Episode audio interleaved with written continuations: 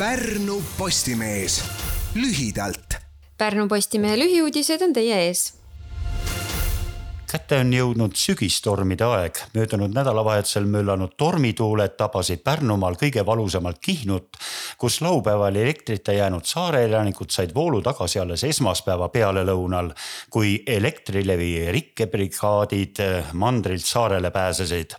Mujal Eestis nii hästi ei läinud ja osa eestimaalasi oli elektrita veel neljapäeval uue tormi saabudeski ettevõtluse auhinna konkursil valiti nominentide sekka kaks Pärnumaal tegutsevat firmat, kes konkureerivad ka Eesti aasta ettevõtte tiitlile.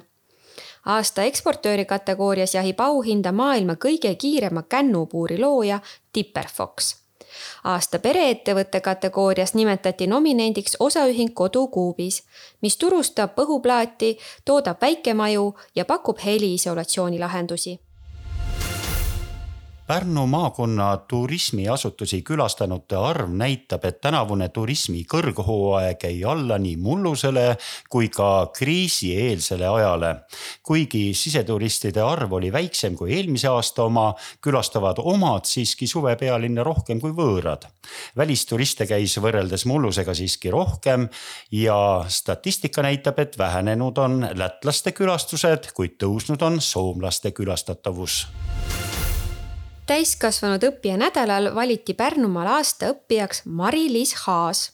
varem juuksuriks ja sotsiaaltöö korraldust õppinud kolmekümne nelja aastane Haas õppis juurde veel rätsepa eriala. uue ameti õppimine aitas korraga leida nii töö kui hobi. aasta koolitajaks valiti Heili Västrik ja aasta õppijasõbraliku tööandja tiitli pälvis restoran Noot väljapaistvaimaks õpiteoks sai projekt Elurikas Tori vald oma koolitustega Pärnu uue silla ehitajad on kesklinna poolsel kaldal vaiade puurimisega ühele poole saanud ja asusid sel nädalal saja kuuekümne tonnist vaiamasinat kolima teisele poole jõge Raba tänava äärde.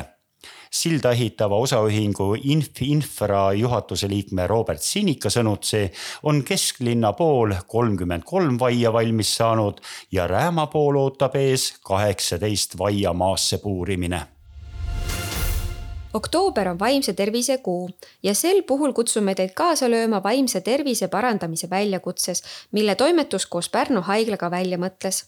aktsioon vältab neli nädalat ja esmaspäeviti ootab osalejaid ülesanne. sel nädalal tuli iga päev jagada, mille üle uhke olete uue nädala hakul tasub jälgida Pärnu Postimehe Facebooki ja Instagrami lehte. seal avaldame video järgmise ülesandega nädala uudiste lühikokkuvõtte tõid teieni Siiri Erala ja Raido Keskküla. kõiki lugusid saab põhjalikumalt lugeda Pärnu Postimehe veebist. Pärnu Postimees lühidalt